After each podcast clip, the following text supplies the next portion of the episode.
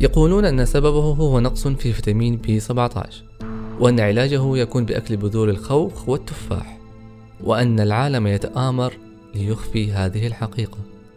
اختزلوا أسبابه وأنواعه وطرق علاجه في شيء واحد. هم يقولون وضيفتنا في هذه الحلقة ترد وتقول حدث العاقل بما يعقل.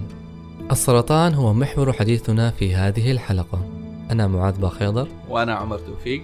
وأنتم تستمعون للحلقة الأولى من بودكاست مثلث. أهلا دكتور أطلال. أهلا وسهلا كيف بك حالك؟ معاذ؟ آه شكرا لوجودك معنا شكرا انك اعطيتينا من وقتك. شكرا لكم على يسلمك. الفكرة الجميلة دي وعلى الحماس اللي شايفته حاليا وإن شاء الله تعود بالنفع بإذن الله المرغوبة. بإذن الله. معنا اليوم كمان عمر توفيق. عمر كيف حالك؟ الحمد لله. طيب دكتور أطلال عرفينا عن نفسك. آه، أطلال أبو سند آه، أستاذ مشارك آه، طب باطني وأورام بجامعة الملك عبد العزيز حاصلة على شهادة الزمالة في الطب الباطني وطب الأورام وتخصص دقيق أورام ثدي وجهاز هضمي من جامعة ميغيل في مونتريال كندا. أعمل بشغف في مجال الأورام العلاجية ودائما أسأل ليش أورام؟ بس آه، ما هو موضع النقاش دي المرة لو استضفتني مرة ثانية أقول لكم ليش اورام جميل. طيب في السي في حقك أنا شفت إنك أنت ماخذة درجة الماجستير في الطب التجريبي لعلم الأورام الجزيئيه صحيح. المعالج آه بعد ما انتهيت من الزمالة الإكلينيكية في علم الأورام حسيت إنه علم الأورام علم غني بالعلوم الأساسية. وحسيت إنه من الأفضل الواحد يربط العلوم الأساسية بالعلوم الإكلينيكية عشان تفهم أكثر عن المرض هذا جميل. آه فحبيت أدخل آه اللاب هو عبارة عن آه سنتين في اللاب تشتغل بنفسك على الخلايا السرطانية في ال- صحون التجارب. تعالجها بأدوية معينة وتشوف تأثير الأدوية عليها. فكانت تجربة جميلة يعني لربط زي ما قلت لك الجانب العلمي الأساسي بالجانب. الإكلينيكي. أيوة، جميل. طيب موضوعنا اليوم دكتورة عن السرطان وعن الكلام اللي طالع عن السرطان في الأيام هذه والإشاعات اللي طالع عنه. كل واحد بي بيطلع كلام من عنده. آه فالفكرة من اللقاء إنه إحنا نبغى نعرف إيش حقيقة السرطان وإيش الصح من الغلط. فنبدأ لو تدينا نبدأ ب آه إيش هو السرطان؟ كيف يتكون؟ وهو عبارة عن إيش أصلا؟ آه السرطان قد تكون كلمة واحدة لكن يندرج تحتها أنواع كثيرة ومتعددة من الأمراض. فعلاج كل ورم خبيث ينشأ من سواء نفس العضو أو من أعضاء مختلفة مختلف تماما وهذا حاجة لازم تنفهم. عشان كده اللي بيقول لك أنا عندي علاج واحد يعالج كل أنواع السرطان غير صحيح لأنه هو ما هو طبعة واحدة. هو أشياء مختلفة أمراض مختلفة لكن كلها تندرج تحت مسمى واحد. السرطان ليش تندرج تحته كل هذه الأمراض؟ لأنها تكتسب خصائص. خصائص معينة تفرقها عن الخلايا الطبيعية اللي موجودة في جسمنا. بطبيعة الحال أنا وإنت دحين وعمر معانا قاعدين حوالين الطاولة وإحنا قاعدين بنتكلم بتصير عمليات حيوية معقدة. سبحان الله في داخل جسمنا. بالضبط داخل الخلايا. طبيعي لأن عمليات معقدة حيوية جدا من تكاثر من نمو فبيصير فيها خلل. الخلايا دي لما يصير فيها خلل في بعضها اوتوماتيكلي بالضبط بطريقة معينة بتنتحر عشان ما تأذي الجسم. في بعضها لا بتعيش بتعيش بالخلل اللي موجود فيها ولما بتعيش بالخلل اللي موجود فيها الخلل هذا ممكن يديها القدرة على إنها تتكاثر على إنها تخرج من المكان اللي بدأت فيه وتنتقل لمكان آخر على إنها تاخذ أماكن الخلايا السليمة وتؤدي لتعطيل الوظيفة الحيوية للأعضاء المهمة مثلا في الجسم زي الرئة زي الكبد. فلما بيصير زي كده بينشأ إيه؟ السرطان. هو عبارة عن آه تكاثر غير آه محبذ وغير متحكم فيه لخلايا غير وظيفية في أجزاء معينة من الجسم. بعد كده هذه الخلايا بتاخد مكان الخلايا الصالحة أو الخلايا الجيدة وبتأدي لتدميرها ووظيفة العضو بتقل لتتضاءل لتصل لفشل. طيب إيش سببها؟ يعني أنت قلتي إنه طبيعيا في جسمنا بيصير ال- ال- الوظائف داخل الخلية. طيب إيش سبب الخلل اللي بيصير في الخلايا؟ في خلل طبيعي بيحصل فينا كلنا بس عندنا طرق وقاية في جسمنا. أهمها الجهاز المناعي. إنه يميز والله هذه الخلية خلية مثلا شيطانية تحورت أو تحولت فأنا حروح أقضي عليها. في بعض الناس يكون مثلا الجهاز المناعي مثبط لسبب أو بآخر. عندك مثال الناس اللي عندهم اللي هو ال HIV مرض المناعة المكتسب أو نقص المناعة المكتسب. بيكونوا عرضة أكثر خاصة لو ما كانوا بياخدوا علاج لنوع معين من الأورام. في طرق أخرى بتثبط الجهاز المناعي يعني ممكن الأدوية اللي الواحد بياخدها إذا في بعد زراعة معينة لأي عضو أو نخاع. الناس العاديين اللي ما عندهم هذه الأشياء إيش بيحصل فيهم؟ نفس الطريقة. لسه ما هو واضح إيش اللي بيسبب نشوء أو عدم قدرة الجسم على محاربة الخلايا هذه من يوم ما تنشأ وبيغفل عنها لدرجة إنها تكبر وتتكاثر. في أسباب طبعا مباشرة لأشياء معينة بتزود حدوث الخلل في جسمنا مثلا التدخين. طيب إحنا لو دخنا أو لو أي أحد مدخن بيكون عندهم حدوث الخلل أكثر. إيه. تغير آه، مثلا في الجينات. بسبب بيؤدي بسبب بسبب المواد اللي- المسرطنة اللي موجودة في الدخان. في ناس اللي بيتعرضوا مثلا للإشعاعي خلال طفولتهم مثلا اللي كان عندهم مرض آه، ليمفوما غالبا الأطفال أو السن الصغير وبياخدوا علاج إشعاعي. الليمفوما ممكن اللي هو؟ الليمفوما اللي هو العقد ال- اللي هو سرطان السرطان ال... أي بالضبط. فبيكونوا عرضة أكثر لأنهم ممكن يتعرضوا لأشعات غيرت مو أشعات علاجية المو أشعات آه، آه، أشعات تشخيصية. اللي إحنا بنتكلم عن الأشعة العلاجية. لجرعات عالية من الأشعات العلاجية ممكن تغير الحمض النووي فده بيؤدي بعد كده في المستقبل نسبة صغيرة منهم. الأشياء الأخرى طبعا 30% من الأورام بصورة عامة مرجعها لي زيادة الوزن. طيب السمنة. فيمكن السمنة بتأدي إنه الجسم ما بيقدر يميز أو ما بيقدر يكتشف الخلل اللي بيصير ويصلحه. فهذه في- الأشياء في سرطانات معينة مرتبطة بالسمنة ولا ممكن أي حاجة؟ في في أنواع أكثر من أنواع أخرى. أوكي. بس آه، بصورة عامة السمنة يعني تعتبر عامل خطورة. جميل جميل. طيب عمر نشكرك دكتورة يعني ما شاء الله على التفصيل الجميل هذا بالنسبة لمرض السرطان وإيش هو وكيف يعني نقدر كيفية يعني حدوثه وأنواعه وبأشكاله وأنه وأحسن. عرفتينا كيف أنه في أكثر من نوع منه وأنه مو كل الأنواع هي واحد فما في علاج لكل أنواع السرطان مرة واحدة. طيب دحين حاليا بنلاحظ أكثر وأكثر حملات تثقيفية عن السرطان وعن الفحص المبكر لأنواع السرطان. فإيش ممكن تقولي لنا عن يعني أولوية إنه الواحد يبدأ يدور عن عن الفحص حق السرطانات هذه. طيب هو سؤالك جميل يا عمر والكشف المبكر يعني بإذن الله أداة من أدوات الوقاية من المشاكل اللي ممكن تنشأ من هذا النوع من الأمراض. لكن مشكلة آه، الكشف المبكر إنه قد يصل لشريحة معينة وقد لا يصل لشريحة أخرى من الناس. يعني دحين ما شاء الله نأخذ مثال حكاية سرطان الثدي. ما شاء الله كمية التوعية اللي موجهة للسيدات في موضوع سرطان الثدي كبيرة جدا. لكن أنا أتهيألي أنه ما تزال محصورة في السيدات الموجودات في يمكن المدن الرئيسية. صح ما بتوصل آه، بشكل كافي للسيدات اللي في المدن الطرفية. هذه صح. نقطة. النقطة الثانية كمان أنا لما أقول للسيدة تعالي أفحصي يا سيدتي الفاضلة وفرضا اكتشفت إنه في حاجة. من حقها إنها تعرف فين تروح. بعدين لابد من توجيهها إنه والله أنت راجعي طبيب أورام مثلا أو راجعي طبيب آه، أورام جر- آه، جراحة أورام عشان أي. يتعامل مع المشكلة هذه بالشكل الصحيح. يمكن جميل جدا اللي بيحصل من ناحية التوعية خاصة في برنامج الكشف المبكر لسرطان الثدي لكن أتمنى أنه كمان يضاف إليه التوعية فيما بعد. لأنه ما بعد. هذه هذه نقطة مهمة دكتور. يعني مثلا واحدة تقول لك والله أنا خايفة أروح أكشف يطلع عندي سرطان. صحيح. طيب. مو هذا هو. يعني أيوه عندك سرطان بعدين إيش؟ حيصير؟ إيه. إيش حتسوي؟ كمان ال- التوعية من جانب إنه أوكي أنت إذا رحتي كشفتي في احتمالات. طيب احتمال إنه يكون النتيجة سليمة جدا. احتمال إنه تحتاجي متابعة لأنه في حاجة بس ما هي واضحة. احتمال إنه يكون والله في حاجة وتحتاجي إنك تشوفي دكتور متخصص في ذا الموضوع.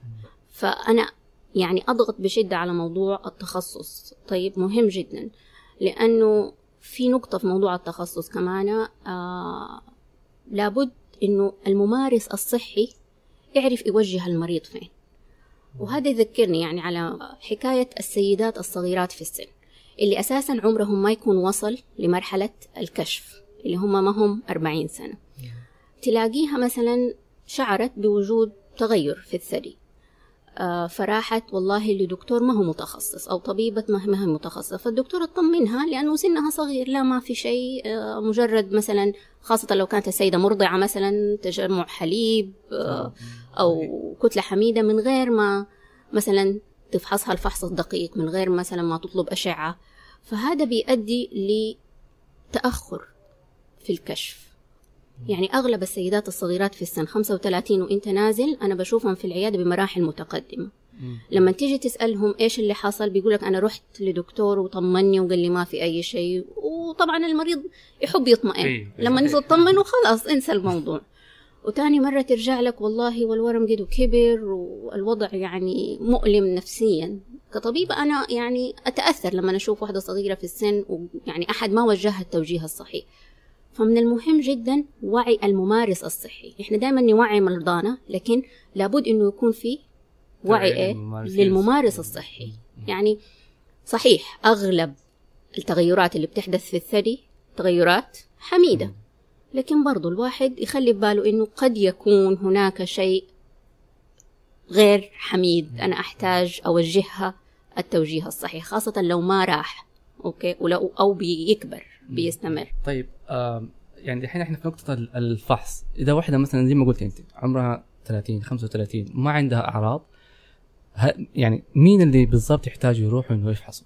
أي أحد عمره 35 تروح تفحص؟ لا هو الفحص للسيدات آه، بالنسبة لأورام الثدي يكون في سن الأربعين لمن هن يعني آه، ما عندهم تاريخ مرضي عائلي اللي هم إحنا بنقول عليهم average risk يعني اللي هم خطورتهم ب أو خطورة تطور المرض عندهم بخطورة نفس المجتمع. نفس مج... ن- بالضبط نفس الخطورة للمجتمع كله. من هم؟ اللي ما عندهم تاريخ مرضي قوي في العائلة وأعني بقوي تاريخ مرضي في سيدات الدرجة الأولى. قرابة طيب. من الدرجة الأولى. بالضبط قرابة من الدرجة الأولى. أم أخت ممكن عمة خالة كذلك. جدة أحيانا ننظر أو نسأل إليها. الحاجة الأخرى يكون تطور الأورام في سن مبكر لو كان حص- حصل في العائلة. الشيء الآخر في بعض العوائل عارفة إنه عندها طفرة جينية معينة آه، بتخلي إصابتهم مرتفعة مثلا بأمراض معينة أو أورام معينة فهذول كمان يعتبروا عالين الخطورة. لكن للسيدات اللي ما عندهم العوامل هذه بيكون سن الأربعين. طيب لكن سن الثلاثين خمسة والثلاثين أو من الخمسة والعشرين أي سيدة المفروض يكون يكون عندها وعي بشكل الثدي وهذا مو بس للسيدات. خلينا نقول لكل الناس آه، المفروض يكون عندهم وعي بأجسادهم. طيب مثلا أنا عارفة والله شق الأيمن مختلف عن شق الأيسر. أنا عارفة إنه عندي مثلا وحمة هنا ما عندي وحمة هناك. لابد يكون في وعي. وعي أنا عارفة جسمي كيف. فالوعي هذا لما تشوف شيء متغير في جسمك تروح. تش... بالضبط تروح تشوف والله هل هو تغير عادي مع التقدم في السن ولا هل هو تغير غير طبيعي أنا أحتاج آه، أفحص آه، فيه أكثر وأشوف طبيب فيه طيب جميل جدا. لما ندخل في موضوع علاجات السرطان. إحنا تكلمنا مي... أساسا بس عن سرطان الثدي. طبعا في فحوصات أيوة. مبكرة لأورام معينة منها أورام القولون. آه، في كمان أورام عنق الرحم في السيدات كذلك. في عندنا غير مطبق اللي هو الفحص لسرطانات الرئة. بعمل أشعة مقطعية بس جرعة الأشعة في الأشعة المقطعية تكون جرعة صغيرة أو ضئيلة أقل من اللي تستخدم للأشعة التشخيصية العادية المقطعية. هذه تستخدم للناس المدخنين. الناس المدخنين لمدة 10 أو 15 سنة. آه طبعا هذا غير مطب يعني ماني شايفة أي دعايات عليه ولا في أي برامج عليه لكنه هو أثبت فعليا أنه ينقص الوفيات من سرطانات الرئة. جميل. الفحص دائما يكون قبل ما يظهر أي أعراض. أيوه الفحص يكون قبل ظهور الأعراض. الفكرة من الفحص إنه أنت تكتشف المرض في مراحل مبكرة وبصورة عامة عند اكتشاف المرض في مراحل مبكرة بإذن الله تعالى يكون الشفاء دائما آه، ممكن أيوة. وبنسب عالية والعلاج يكون أسهل ولفترات أقصر كمان. هو الفكرة إنه إذا كان في أحد في العائلة زي ما قلت يا دكتورة عنده نوع من أنواع السرطان. يعني مثلا زي ما نقول سرطان القولون اللي قلت أنت يمكن هو أكثر سرطان في الرجال. في الرجال صحيح. إذا في أحد في العائلة الأب الأخ أو أيوه صحيح. إذا كان مثلا في الأب مصاب من الأفضل إنه الإبن آه، أو بصورة عامة الأبناء يفحصوا قبل عشر سنوات من من عشرة من خمسة إلى عشر سنوات من تشخيص السن اللي تشخص فيه الأب. الولد. مثلا لو الأب تشخص في خمسين سنة بيكون الفحص من أربعين سنة للأبناء من الأفضل آه، كده. وإحنا عندنا ترى ال- ال- التوصيات الطبية بتقول إنه المفروض آه، يتم الفحص للكشف المبكر للقو- لسرطان القولون من سن الخمسة والأربعين. آه ملاحظ الناس؟ أيوه. اللي ما عندهم حتى آه، يعني تاريخ أو عندهم خطورة عالية. آه هي ملاحظة شخصية وأعتقد وكل الزملاء لاحظوها معايا وكنا دائما نتناقش فيها لكن ما إحنا عارفين إيش السبب. إنه الأعمار اللي كنا بنشوف فيها السرطانات وإحنا بندرس برا تماما مختلفة عن الأعمار اللي بنشوفها هنا. هنا الناس بيجيهم هذه الأمراض في سن مبكر. عجيب. مقارنة باللي بنشوفه هناك. يعني أنت لو سألتني إيش السبب يا دكتورة ما أقدر أقول لك سبب جازم قطعي إلا إذا كان عندنا دراسات وأبحاث. لكن الشيء الوحيد اللي لاحظناه هناك إيش؟ النشاط البدني. أوكي. طيب الكل. بتلاقيه بيعمل رياضة. إيه. أيوة. أسلوب ال- الحياة حقه مختلف عنا بالضبط. بالضبط أسلوب الحياة. أنا أعتقد هذا يلعب جزء كبير من الموضوع. طيب جميل. طيب دكتورة لما ندخل في موضوع ال- العلاجات. آه لا قدر الله إذا واحد شخص بسرطان يمكن أكثر شيء بيفجعه موضوع إيش العلاج. هذا اللي يخوف الناس إيش العلاج طيب من السرطان؟ هل موجود ولا غير موجود أصلا علاج من السرطان؟ فسؤالنا إيش ال- إيش الخيارات الموجودة كعلاج للسرطان؟ طيب آه سؤال جميل يا معاذ. ونرجع تاني مرة نقول فاكر في البداية إيش قلنا؟ السرطان ليس مرض واحد لكنها أمراض كثيرة مختلفة لكل منها علاج معين أو مختلف عن الآخر. بصورة عامة حنتكلم وحنقول إنه العلاجات المستخدمة في علاج الأورام هي العلاجات الجراحية العلاجات الكيميائية العلاجات الإشعاعية في كمان العلاجات المناعية أو ما يقال عليها الحيوية كذلك وفي العلاج الموجه والذي يضمن علاج مناعي وعلاج موجه وفي طبعا العلاج الهرموني بنستخدمه مثلا في أورام الثدي وفي أورام البروستيت. لا نقطة مهمة جدا. المرضى لما يجوا العيادة يقول لك يا دكتورة طب خلاص ما تديني مثلا علاج إشعاعي وما أحتاج أخذ كيميائي. أنا دائما أشرح لهم كالتالي. يا سيدتي الفاضلة أو يا سيدي الفاضل العلاجات اللي إحنا بنستخدمها علاجات تكاملية. بمعنى إنها تكمل بعض وليست تبادلية. يعني ما ينفع أشيل واحد وأحط مكانه واحد. تكاملية ليه؟ تكاملية عشان والله مثلا الكيماوي حيديني نسبة شفاء خلينا نفرض كذا في المية. يضاف عليه الإشعاعي حتزداد نسبة الشفاء هذه لكذا في المية. تضاف عليها العلاج الجراحي أنا بإذن الله أوصلها لنسبة علاج شفاء كبيرة. فالفكرة إنه ما ينفع السرطان- واحد يعني علاج بس نكتفي والله بس خلاص أبغى جراحة ونكتفي بذلك. شوف هو حسب الحالات يعني أو حسب المراحل. أحيانا إيوه إذا المرحلة مبكرة جدا العلاج الجراحي قد يكون كافي. وما يكون مثلا في إضافة للعلاج الكيميائي أو الإشعاعي أو الهرموني مثلا إذا في مثال أورام الثدي. لكن بصورة عامة أهم شيء نفهمه إنه هي ليست تبادلية ولكنها تكاملية. فإذا الدكتور قال لك يا فلان ولا يا فلانة تحتاجي دا ودا ودا ما هو يعني ما بيقول لك كده عشان حبا إنه يعطيك علاجات زيادة لكن هو حابب إنه بإذن الله تعالى يحسن فرص الشفاء لأقصى حد ممكن. أيوه أنا سألتك هذا السؤال دكتور لأن أفتكر واحدة من المرضى اللي كانت عندنا كان عندها ورم في القولون وعملوا لها استئصال الورم وبعدها ما كانت تتابع معنا في العيادة الدكتور قال لها نحتاج نعم- نعطيك علاج كيماوي. لما مجرد ما قال لها علاج كيماوي المريضة انهارت في العيادة. ويعني كانت كانت كان شيء مؤثر بأمان. شفت حالتها كده وكانت بتبكي في العيادة من من العلاج الكيماوي. فالعلاج الكيماوي إيش هو؟ طيب هو قبل بس ما تجاوب السؤال هذا يعني زي ما قال معاذ يعني هذا الشيء بشوفه أكثر من مرة. يعني دائما المرضى مجرد منه يسمع علاج كيماوي هنا يبدأ يخاف من السرطان. يخافوا منه أكثر من انه يتشخص من سرطان أحيانا صحيح يا عمر هذه ملاحظة يعني أنا عجزت أفهمها للأمانة. لما يتم تشخيص المصابة والمصابة بمرض السرطان تلاقيهم ممكن يتقبلوا ويهضموا الفكرة. لكن لما تبدأ تناقشهم في العلاج اللي هو المفروض آه، يحسن بإذن الله تعالى من آه، ال- الوقاية إن كان في مراحل مبكرة أو في التحكم في المرض حتى إن كان في مراحل متأخرة يعني. تلاقيهم يفزعوا ويخافوا. لكن لابد من إننا نحسن من سمعة العلاج الكيميائي. هو دائما في خوف أعتقد من المسمى. لكن إحنا لو جينا نفكر فيها كده شوية ترى كل العلاجات اللي إحنا بناخدها كيميائية. قرص البنادول عبارة عن علاج كيميائي صح ولا لا؟ صحيح. أي كله أي حاجة أنت بتاخدها علاج كيميائي. هو في معلومة غائبة وأعتقد يمكن أول مرة إحنا نتطرق عليه لها في الموضوع ده إنه على فكرة العلاجات الكيميائية ما هي علاجات يعني الإنسان أو الجنس البشري اخترعها لكن ربي عز وجل أوجدها في الطبيعة.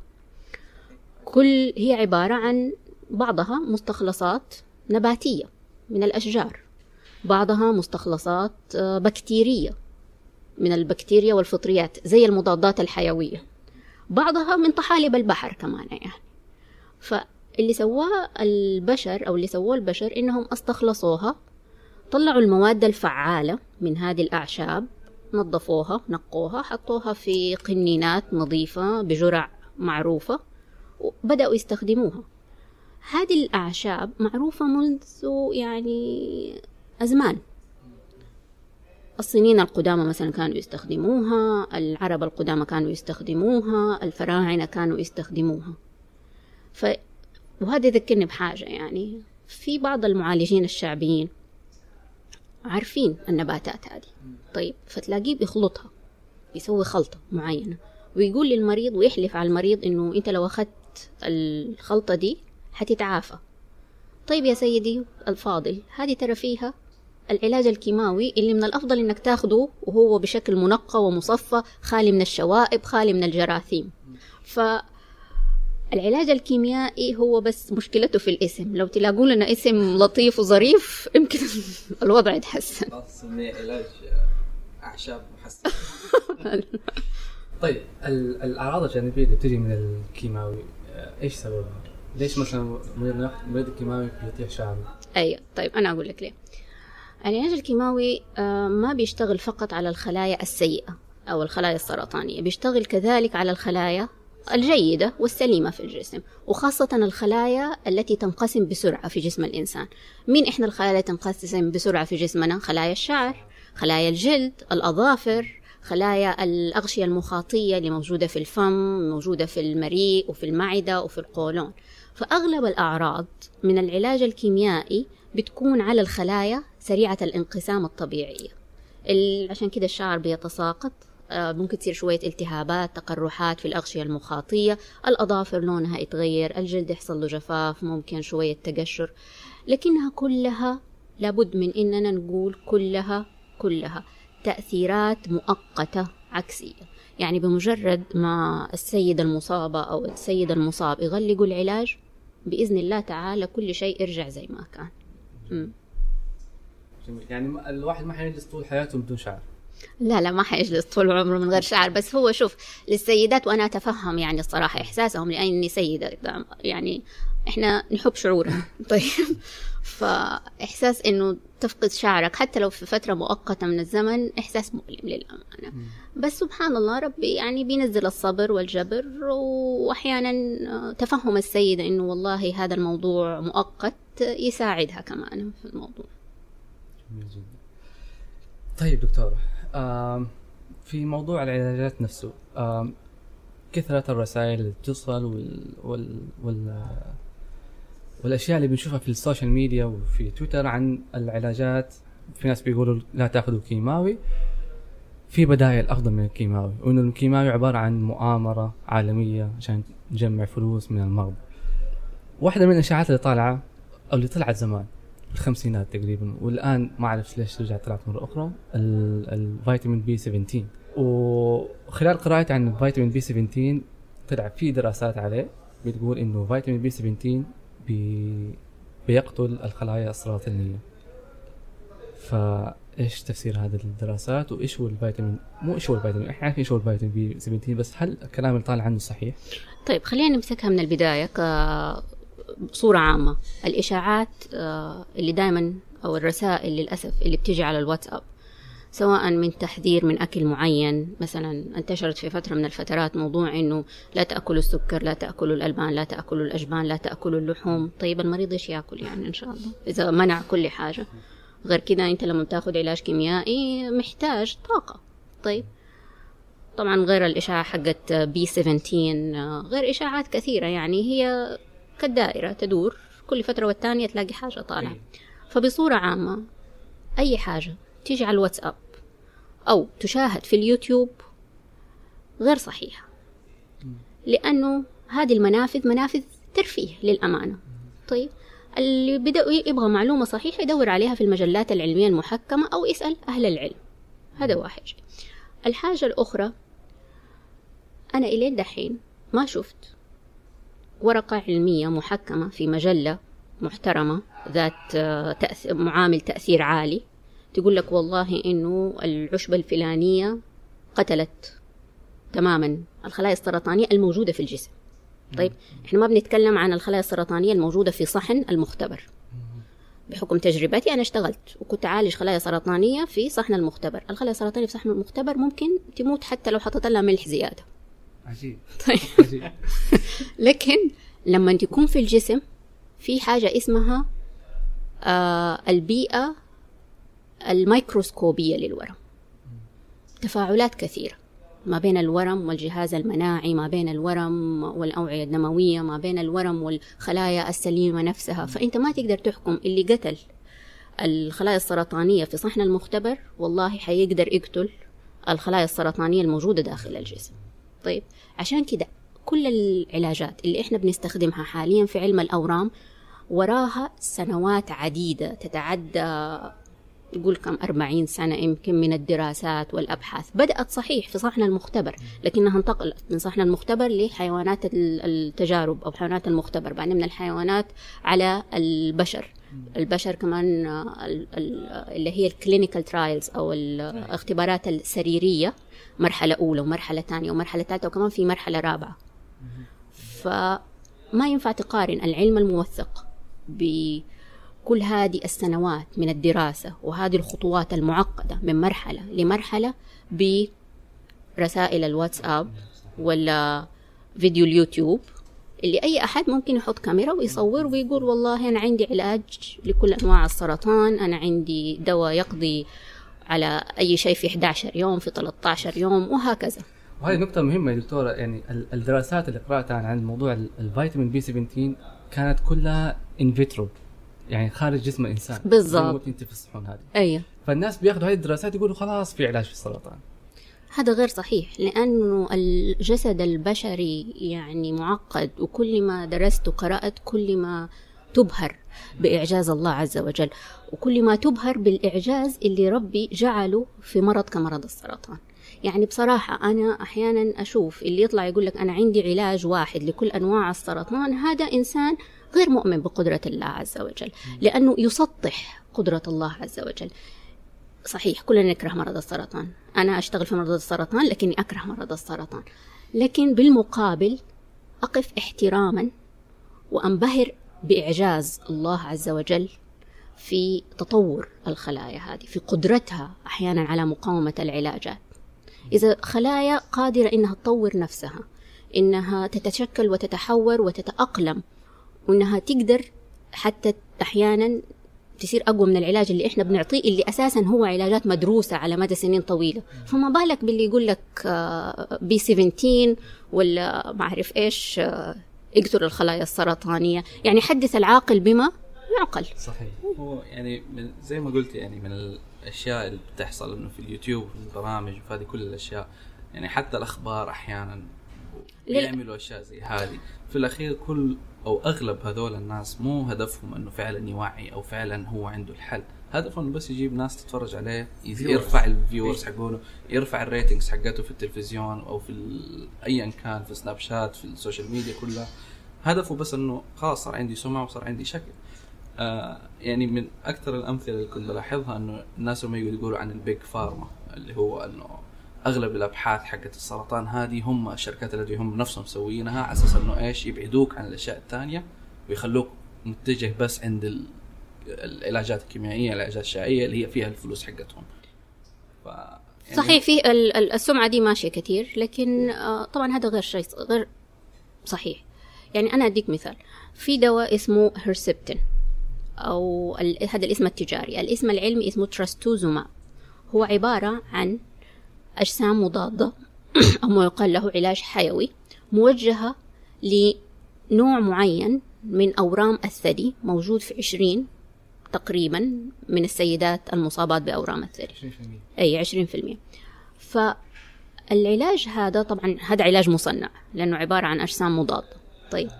هم أول شيء اكتشفوا ال 20% دولة عندهم مرض دائما نشط أكثر من مثلا النوع المعتاد عليه. بعدين قالوا طيب خلينا نشوف إيش بيخليه أكثر نشاطا. فعرفوا إنه على الخلية في مستقبلات آه نشطة. تخلي الخلية متحفزة أكثر ونشطة أكثر لها القدرة على الانتشار أكثر. فقالوا إيش يحصل لو قفلنا المستقبل هذا؟ اخترعوا حاجة تقفل المستقبل ده زي المفتاح لما ندخل في ال lock في ال key في القفل. العلاج هذا اسمه تراستوزوماب الاسم العلمي والاسم التجاري هيرسبتين يعني شكرا جزيلا للدكتور اللي اكتشف المستقبل على الخلايا وشكرا جزيلا لشركة الأدوية اللي تبنت تصنيع الدواء لأنه عمل نقلة كبيرة جدا في علاج أورام الثدي من هذا النوع. يعني نسبة الوفيات نقصت ب 30% نسبة عودة المرض هذا نقصت 50% بعد استخدام هذا الدواء. فحكاية صحيح هم طبعا بيصنعوا أدوية غالية لكن عشان تصنيع واكتشاف الأدوية هذه برضو عملية غالية جدا مكلفة جدا. في نقطة يا دكتور أنا يعني مرة سمعت إنه حتى الشركات هذه لما بتعمل أبحاثها أحيانا تصرف ملايين على الأبحاث حقتها في النهاية الدواء ما ينجح فتخسر كل هذه الملايين. صحيح يا معاذ إذا الدواء ما نجح يقفلوا ال- الجزء هذا وخلاص يقول لك ما قدرنا ما قدرنا نطور الدواء وخلاص انتهى. والملايين خلاص لأنهم حاولوا هم بس ما قدروا يطوروا أو ما قدروا يوصلوا للدواء الفعال. فيعني هو أكيد الجزء الربحي موجود أكيد بس ما هو لدرجة المؤامرة وإنهم لا والله عندهم العلاج وهم مخبين العلاج عشان آه، يجمعوا الفلوس. يعني برضو من الأشاعات الكثيرة اللي يعني بنشوفها يعني هنا اللي هو الفجأة اللي بدأ يرجع لنا اللي هو حكاية الفيتامين ب 17 أو فيتامين بي 17 مثلا لاحظنا عند أستراليا ونيوزيلندا فترة جاتهم الفيتامين C إنه هو هذا علاج السرطان. يعني كنت بتفرج في واحد من الأخبار إنه واحد شرطي تشخص بلوكيميا اللي هو سرطان الدم والدكتور قال له عندك 8 أسابيع باقية تقريبا في, في عمرك فقبل على الأسبوع السابع تقريبا كان ولده قال له ليه ما نجرب فيتامين سي؟ قعدت أقرأ عنه وزي كذا. فبدأ يجربه اللي هو عن طريق الوريد. يحط كميات كبيرة. و... وعلى كلام أهله إنه هو تحسن فجأة وصار مرة أحسن وضعه وصار حاس نفسه مرة أحسن ونشيط و... وتعافى وإنه بعدين الفحوصات كلها طلعت خلاص الحمد لله تعافى من السرطان تماما. هذا الكلام كله يعني كله كان في الأخبار وفي اليوتيوب. بعدين جات بعدها راحوا عند الدكتور نفسه اللي كان بيتابع معاه وسألوه عن الموضوع هذا. الدكتور جاوب قال إنه الرجال كان في سابع أسبوع من العلاج الكيماوي حقه. وقيده ماخذ العلاجات كاملة فإحنا ما نقدر نحكم انه فيتامين C هو كان السبب لأنه هو already أخذ العلاجات كاملة حقته ف يعني هو أغفل تماما ذكر إنه كان بالضبط. بياخد علاج كيميائي بالضبط. وفقط ادعى إنه النتيجة أو الفائدة من العلاج آه، اللي بالضبط. استخدمه اللي هو فيتامين C للأسف هذا ترى بيحصل كمان أحيانا في تويتر بتلاقي ناس يقول لك آه، أنا مثلا سمعت واحد أتعافى من الهذا أيوه أيوه أيوه. ترى على فكرة وبعدين لما يعني تبدأ تدور أكثر ولا تفهم ولا تسأل تلاقي إنه كان بياخد كيماوي وبياخد الشيء المكمل معه. فيعني طبيعي. على فكرة دكتور ال ال الفيتامين B 17 يعني يمكن اللي روج له أول واحد هو كاتب كتاب World Without Cancer. العالم من غير سرطان. أيوه. مم. اللي هو مين الكاتب هذا؟ مخرج. ممتاز. مخرج, مخرج يعني أفلام. عنده خيال واسع. طيب. بالضبط يعني أنا أنا. يعني أنا أنا أصور أفلام كنت filmmaker فأعرف كيف المخرجين بيفكروا. المخرج لما يجي بيسوي سيناريو بيفكر في الحبكة الدرامية حقته وكيف ممتاز. يجيب أكثر viewers أكثر مشاهدين يشوفوا يشاهدوا الفيلم حقه. صحيح. فما هو يعني لا هو عالم ولا هو دارس طب ولا أي حاجة. ما عشان. كذا أنا أقول لك يعني حدث العاقل بما يعقل هذا هو. يعني أنت ما تيجي تقول لي والله أنا عندي علاج آه، حيعالج كل أنواع السرطان آه، أو امتنع عن السكر لأن السكر يغذي الخلايا السرطانية وامتنع عن اللحوم وامتنع عن الأجبان امتنع عن الألبان. هذه كمان مشكلة تانية لما تقول للمريض لا تأكل لا تشرب. أيوه أيوه يعني حرام إيش يأكل إيش يشرب؟ أهم. في حكاية السكر هذه في فيلم برضو اسمه The Magic Pill كان بيروج لهذا الموضوع إنه ال keto diet بيشفي أو بي بيقتل الخلايا السرطانية لأنه الخلايا السرطانية بتتغذى على السكر. حكاية السكر والخلايا السرطانية هذه للأسف انتشرت انتشار كبير وهي غير صحيحة. آه منشأها جاء من إنه إحنا نستخدم أشعة اسمها بيت سكان هي عبارة عن أشعة نووية لكل الجسم. الصبغة اللي تستخدم فيها سكر. سكر عليه مادة مشعة. فبطبيعة الحال لأنه الخلايا السرطانية خلايا نشطة أكثر من الخلايا الطبيعية. فهي بتاخد الغذاء بشكل أكثر. طيب سواء سكر أو غير السكر. لكن الخلايا السرطانية خلايا ذاتية التغذية أو ذاتية النمو وهذه خاصية كمان للخلايا السرطانية تفرقها عن الخلايا الطبيعية زي ما قلنا في البداية إنها قادرة على النمو سواء بغذاء أو من غير غذاء. فأنت لما تقطع الأشياء المهمة من الغذاء حتأدي لنقص عناصر مهمة. مثلا قطعوا اللحوم وما عوضوها بمصدر بروتيني للحديد. حيصير عندهم إيه؟ انيميا نقص الحديد.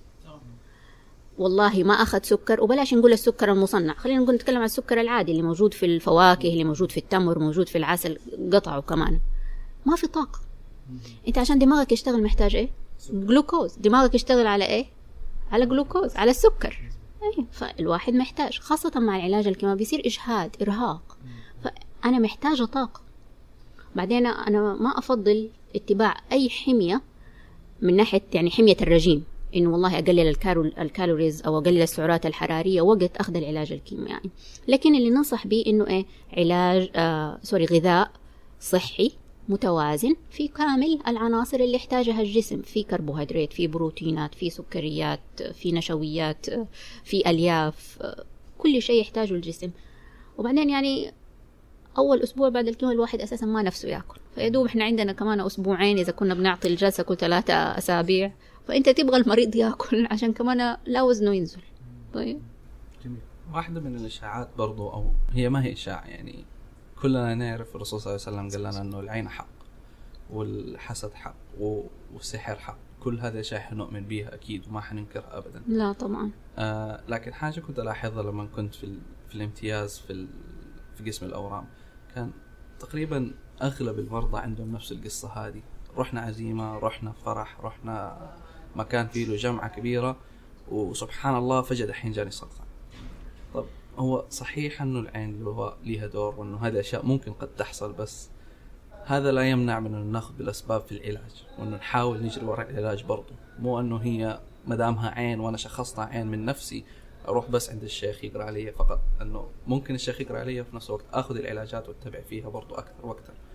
اوافق معك يا عمر تماما. يعني إحنا مسلمين والحمد لله على نعمة الإسلام اللي إحنا فيها. فنأخذ بكل الأسباب. نأخذ بأسباب الرقية ناخذ والرقية مو لازم تكون من شيخ يعني. أنت ممكن ترقي نفسك آه، وتقرأ على نفسك قران والقرآن دائما في يعني سبحان الله راحة نفسية.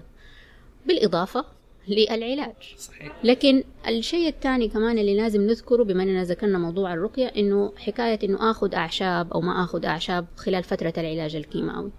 ما في مشكلة تأخذ رقية ما في مشكلة تشرب موية زمزم ال- الشفاء أو الاستشفاء. ما في مشكلة. الزمزم لا يتعارض مع ولا يعني يتسبب في تكاثر الخلايا السرطانية. بس الفكرة إنه ما يحتاج أخلي كل مويتي اللي أحتاجها مثلا اللترين ولا اللترين والنص في اليوم عبارة عن ماء زمزم. كاسة لبنية الشفاء والاستشفاء بإذن الله تعالى. لكن حكاية الخلطات المجهولة المصدر اللي ما نعرف إيش فيها من الأفضل إنه نمنعها تماما. خاصة فترة العلاج الكيميائي. لأنه ما تدري ولا عندنا أبحاث تقول لنا عن مدى تفاعلها مع العلاج الكيميائي. طيب دكتورة في موضوع الخلطات وموضوع ال- الأعشاب هل في أكل ممكن يساعد في علاج السرطان أو في قتل الخلايا هذه؟ يعني مثلا واحدة من الأشياء أظن قرأت عنها الكركم. صحيح. طيب هذا الموضوع آه، في دراسات على المواد اللي فيها مو... آه، اللي هي مواد مضادات الأكسدة. بصورة عامة الخضروات والفواكه غنية وفي بعضها أكثر من بعضها الآخر. أنت ذكرت الكركم. الكركم عليه دراسات لكنه لا ليست للعلاج. طيب؟ ليست للعلاج لكن للوقاية من تطور أو حدوث الأمراض. وفي أي ناس الناس اللي لم يصابوا بعد بالمرض. طيب؟ يعني مثلا آه أنا وإنت إن شاء الله نقول إنه ما عندنا أي حاجة. لو والله أخذنا مثلا كركم بإذن الله تعالى على المدى الطويل قد يعطينا حماية من حدوث هذه الأمراض. لكن المريض already اللي تم تشخيصه أو أصيب بالمرض تلاقيه already أخذ علاج مثلا سيدات آه، أورام الثدي. بعد العلاج تلاقيها بعضهم بيأخذوا العلاج الهرموني. وجيني العيادة أسألها بتقول لي والله بآخذ كركم. يعني أنا يا سيدتي الفاضلة أقول رجاء لا تاخذي أي شيء لأنه أنا ما عندي أبحاث ولا دراسات تقول لي تداخلها مع العلاج مثلا الهرموني اللي أنت بتاخذيه. أنا أبغى العلاج الهرموني يشتغل كما يجب وما أبغاه في نفس الوقت يسبب لها مشاكل. أنا ما أدري الكركم إيش تداخله مع العلاج الهرموني. ممكن يزود تأثيراته الجانبية ممكن يقلل فعاليته. وكلا الحالتين غير مرغوبة بالنسبة لي ولا بالنسبة ليها. لكن بالتأكيد إذا كان إنسان صحيح غير مصاب حابب إنه مثلا ياخد شاي أخضر آه، يوميا ملعقة كركم الأشياء اللي فيها مضادات الأكسدة لا بأس بها. طبعا في المعقول برضو كمان لا يسبب مشاكل أخرى لنفسه لأنه مرة تانية مضادات الأكسدة هذه قد تساعد على إصلاح الخلل اللي قد ينتج خلال عمليات التكاثر والنمو في خلايا جسمنا. أو تقوي بعضها ممكن يكون لها تأثير على الجهاز المناعي. فهذه هي الفكرة لكن بالتأكيد ما ننصح بيها للناس اللي تم تشخيصهم أو أو ما زالوا على العلاج لأنه ما نعرف هي ما نعرف. فمن الأفضل الابتعاد عن الأشياء هذه. يعني كل اللي موجود حاليا إنه والله تاخذ ال- ال- ال antioxidant هذه قبل ما تتشخص بأي حاجة بالضبط. يعني for life يعني. بالضبط بالضبط. كنوع من يعني ال- النظام الصحي الغذائي آه، بهذه جدا. بس في أشياء أهم كمان اللي يدخن يوقف دخانه. يعني أعرف صديق زوجي لا يأكل اللحم لكنه مدخن شره عجزت أفهم الطريقة التي يفكر بها يعني. هو ما ياكل لحم عشان ما ياكل لحم عشان الدراسة ديك اللي طلعت تقول لك إنه ارتباط اللحوم الحمراء بزيادة الإصابة بسرطان القولون. لكن بالمقابل الشيء اللي مثبت إنه يسبب السرطان ما يزال يستخدمه والشيء اللي عليه ها علامة استفهام قد يكون أو قد لا يكون هو- انقطع هو منه. بيسدد طيب يمكن يدخل نفسه ويترك ال- طيب. طيب دكتور دحين واحد أتشخص بسرطان طيب. قد تكون على بعض الناس تنزل كالصا- كالصاعقة يعني إنه أنت تشخصت بسرطان والأهل يبدأوا يفزعوا ويبدأوا كل واحد يحاول يساعد باللي يقدر عليه. إيش التصرف الصحيح من الأهل اللي صاب أحد من أفراد أسرته بالسرطان عشان لا يزيد الأمر سوءا يعني. طبعا هذا موضوع جدا كبير يا معاذ. يمكن يبغى لك تسوي حلقة حتى عليه كاملة وتتقابل مع الناس النفسيين المتخصصين في ذا الموضوع. آه، على فكرة في في مجال اسمه آه، تخصص آه، أمراض نفسية لمرضى الأورام. اللي هو خارج من تخصصات الأمراض النفسية. إذا يعني أنا أتمنى أطباء المستقبل يفكروا في الأشياء دي لأنه إحنا بنحتاجها لأنه في ازدياد في الأورام وفي تشخيص الأورام فحنواجه آه، هذا الموضوع بشكل أكبر. بصورة عامة آه، الدعم جدا مهم لمصاب أو مصابة السرطان. الدعم يكون في عدة أوجه.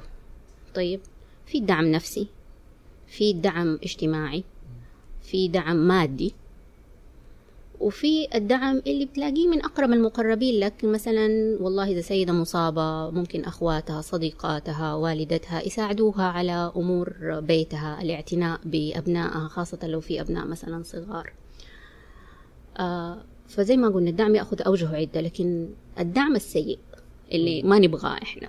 طيب ودائما بيكون عليه تأثير آه سلبي على نفسية المريض هو إنه أجي للمريض وأتبا أبكي ولا أتباكى ولا أحزن. هم قد يكونوا حزينين فعلا لكن مو هذه الطريقة اللي ندعم بها المصابة والمصابة. الدعم يكون دعم. إذا ما كان إيجابي فليكون واقعي فليكن دعم واقعي. طيب؟ إنه بإذن الله حيكون في شفاء بإذن الله. إيش تبغينا نساعدك في إيه؟ إيش تبغانا نساعدك في إيه؟ في أمور معلقة أنت تبى تخلصها ما تقدر تخلصها أقدر أنا أساعدك فيها أخلص لك هي. لأن الضغط النفسي بعد التشخيص بمرض السرطان كبير جدا كبير من عدة نواحي.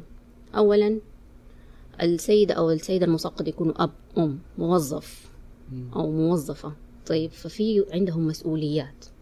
فالدعم مثلا من المدير يكون كويس إنه والله طيب لا تشيل هم أنا حنساعدك حنرتب جدولك بطريقة معينة حنرتب جدولك بطريقة معينة. الدعم من الأهل في البيت إنه يكون نشيل العبء عنك العائلي أو الاجتماعي في المنزل. الدعم من الصديقات الترويح مثلا. طيب نعمل نخرج الانشغال هذه الأشياء مهمة. لكن زي ما قلنا الدعم حيث إنه أنا حبكي عليك وأنا حزعل عليك وأنا ححزن عليك هذا ما هو دعم. هذا بالعكس في ألم كبير. لأن الواحد لما يشوف أحد حزنان عليه حيحزن هو على نفسه بزيادة حينعكس سلبا. النوع الآخر من الدعم اللي ما نبغاه ولا نحبه لما المريض تجي له رسائل الواتساب بمجرد ما عرفوا التشخيص زي ما قلنا مرة تانية رسائل الإشاعات هذه لا تاكل كذا كذا كذا لا تشرب كذا كذا أشرب كذا كذا. يعني طب يا جماعة حرام. يعني هم كافيهم المعلومات اللي بتجيهم من الستاف الطبي. يعني كمية المعلومات اللي بيتلقوها في خلال فترة التشخيص معلومات كثيرة. آه كمية الزيارات للمستشفى بتكون كثيرة. تخيل انت عايش حياتك بشكل طبيعي فجأة تكتشف إنه والله لا أنا عندي حاجة وأحتاج أروح المستشفى كل أسبوع عشان أراجع عشان أعمل الأشعاعات المعينة أعمل التحاليل المعينة. الدكتور بيقول لي معلومات كثيرة علمية أنا أحتاج أهضمها. وبالإضافة لهذا تيجي المعلومات من الجوانب اللي أساسا ما هي صحيحة. فالمصاب والمصابة يحسوا بتشتت كبير. ممكن تعارض كلام الدكتور. ممكن كبير مو ممكن أكيد دائما تعارض كلام الدكتور. فالتشتت هذا إنشأ منه ضغط نفسي. طيب لما ينشأ منه ضغط نفسي تلاقيهم ما هم عارفين إيش يسووا مشتتين. في ناس كثير ترى علاجهم بيتأخر بسبب التشتت هذا اللي بيحصل. فهذا نوع من الدعم ما نبغاه. هو دعم هو أنا متأكدة النية نية خير. إيه. بس التطبيق تطبيق خاطئ. طيب فرجاء أنا دائما أقول لهم يا جماعة عليكم بالدعاء وأبعدوا عن حكاية غذائه والله علاجه هذه منوطة بالفريق الطبي اللي بيعالج الحالة أيه. الدعاء أحسن طريقة للدعم الدعاء صحيح. يعني هو زي رسالة يعني منك ومننا يعني نتمنى يعني كل من عنده عزيز أو أحد مقرب له أو أحد من أهله لا قدر الله أصيب بهذا المرض يعني نحاول نفيده بالصح لا نفيده بأشياء حت ممكن تضره أو حتضره. صحيح. الإشاعات اللي بنسمعها الاشياء بتوصلنا من الواتساب هذا كله كلها أو أغلبها إذا مو كلها ما هي من مصادر موثوقة ما صحيح. هي من أشياء معروفة. يعني الحمد لله عندنا إحنا الطب والعلاج والشفاء كله الحمد لله الحكومة متحملة التكاليف علينا. إي صحيح فعندنا لله. متوفرة يعني إمكانيات الحمد لله جدا ممتازة. وعندنا طاقم طبي ودكاترة ما شاء الله عليهم جايين دارسين من كل مكان. إي ما شاء الله. ف يعني خلوا ال- العلاجات والأشياء هذه كلها مع الدكاترة المختصين في الموضوع هذا. صحيح. إحنا ندعمه من الناحيه العاطفية من الناحيه في المنزل في الاشت... آه، من الناحيه الاجتماعية لكن لا نضغط عليهم في صحيح. ناحية العلاج. قدر يعني حاجة أنا شفتها بنفسي هذه في مم. أحد المرضى. إنه مجرد إنه عرف إنه عنده سرطان انهارت حياته. حرفيا انهارت حياته صار فاقد الأمل صار يسمع أي حاجة يروح يجري وراها. شايف ما عشان كده بقول لك الفرع هذا من التخصص الأمراض النفسية مهم جدا. صحيح. أتمنى إنه يكون موجود عندنا يعني في يوم من. الأيام إنه تخصص اورام نفسية خاص بمرضى الأورام لمساعدتهم على التعايش وتقبل. طيب صحيح. مو كل الناس عندهم القدرة على التقبل والتعايش بنفس المستوى. في ناس سبحان الله حامدين شاكرين متقبلين آه، يعني والأمور بتمشي. في ناس يحتاجوا أحد يعلمهم كيف يتقبلوا هذا الشيء. في نقطة أخرى دكتورة موضوع تأثير يعني مرضى السرطان على الأطباء نفسهم. يعني أنت كطبيبة معالجة بت- يوميا تقريبا بتشوفي مرضى سرطان و هل هذا الشيء بيأثر على نفسيتك؟ هذا سؤال ملغم. طيب. آه نعم بيأثر. إنه هذا شيء مهم. يعني في ناس بيقول لك والله يعني الدكتور يعني كيرلس خلاص أنت مشخص بسرطان آه، أعتقد آه، بالذات التخصصات اللي بصورة عامة تتعامل مع المرضى آه، اللي بيعانوا من أمراض مزمنة أو أمراض خطيرة أكيد يعني والأغلب من الأطباء بيتأثر. أنا طبعا حتكلم عن, عن عني شخصيا. نعم شخصيا أتأثر لكن إحنا في مهنة الطب لابد من إنه يكون لدينا القدرة خاصة في يمكن مجال الأورام. عندك القدرة على إنك نعم تتأثر تعيش آه خلينا نقول الحزن ومن الخطأ إنك تقاوم الحزن. لأنه مثلا مريض أنت تعرفه من فترة معينة تطورت علاقتك به آه، أكيد تشعر بالحزن لما مثلا المرض والله في انتكاسة أو الوضع آه، ماشي في طريق غير ما تحب.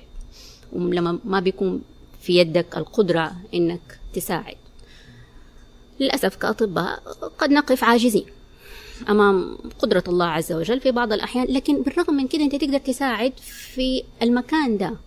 يعني في الناس آه، اللي حالتهم مثلا صعبة أو في مراحل متقدمة تقدر تقدم الدعم سواء الدعم النفسي أو حتى الدعم الطبي يعني بطريقة معينة أو أخرى. قدرتك على الإحساس باللي قدامك هذا يخفف على المصاب كذلك لأنه حاسس إنه في أحد حاسس بالشيء اللي هو بيعاني منه. آه هذه طبعا فيها كلام كثير جدا. آه لكن علم الأورام علمني الامتنان. طيب وهذا جزء مهم جدا. آه يمكن نحتاج نستخدمه ونكبره ونحطه تحت المجهر عشان في ناس كتير ما يرغبوا علم الأورام كتخصص. يقول لك لا لا أغلب الأطباء الصغار أو المتخرجين حديثا يقول لك لا صعب نفسيا أنا ما أقدر أتعامل معه. أنا ما أكذب عليهم وأقول لهم ما هو صعب نفسيا صعب نفسيا بس أنت تطور قدراتك إنك تقدر تتعامل معه إنك تقدر تحتوي قدرتك على إنك تعطي في الوقت اللي ما حد يقدر يعطي فيه. هذه تعطيك رضا نفسي عظيم جدا. غير كده نقطة الامتنان أنا ممتنة للموية اللي الحمد لله أقدر أشربها من غير ما ألاقي صعوبة. طيب أنا ممتنة للرائحة الجميلة اللي أقدر أشمها من غير ما يكون عندي مشكلة. أنا ممتنة لأصغر حاجة موجودة في حياتي. هذه للأمانة يمكن من غير علم الأورام كنا ناخدها كمسلمات. أنا قادرة جنبك دحين أشر بيدي وأتكلم بيدي لكن بعد اللي بشوفه أحيانا في العيادة أو في المستشفى هذه الأشياء الصغيرة تمتن ليها. تقول صحيح. الحمد تنبسطي من لله. الأشياء الصغيرة اللي ما كنت حاسه فيها. بالضبط. تست- يعني بالفعل. علم علمني الامتنان لكل نعم الله عز وجل الصغيرة قبل الكبيرة كمان. ف وفي أشياء أخرى كثير بس لا يسع المجال. أعتقد إننا ما شاء الله كملنا ساعة. كده. أيوه. طيب في قصة جميلة أنت كنت كتبتيها قرأتها. أنا عشان كذا سألت السؤال هذا القصة اللي كانت آه، المريضه حقتك اللي كانت في نفس عمرك وعشتي معاها و... آه اللي يبغى يسمع القصة أو يقراها موجودة في حسابك في تويتر. آه أنت حاطاها في صحيح. هذه آه، جزء مجتزأ. من قصة كنت كتبتها باللغة الع- الإنجليزية. نشرت آه، في مجلة علمية مرموقة اسمها جاما أونكولوجي هو أدب طبي. آه، في جانب أدبي آه، في شخصيتي فإحساسي بمرضايا آه، أحطه على الورق أو أعبر عنه على الورق لأنه هذا كمان يديني فسحة إني لما أكون حزينة أو متألمة من وضع مريت فيه مع المرضى آه كنوع من التنفيس. يس اي كنوع من التنفيس. نشكرك كل الشكر دكتورة. شكرا على الوقت اللي أخذناه معك. سامحين على الإطالة هذه الحلقة الأولى من مثلث انتهت. شكرا جزيلا لاستماعكم. ونذكركم بالرابط اللي في تويتر. تقدروا تقترحوا فيه مواضيع للحلقات القادمة والدكاترة اللي تحب نستضيفهم. إلى أن نلقاكم في الحلقة القادمة. دمتم سالمين. وللحقيقة باحثين.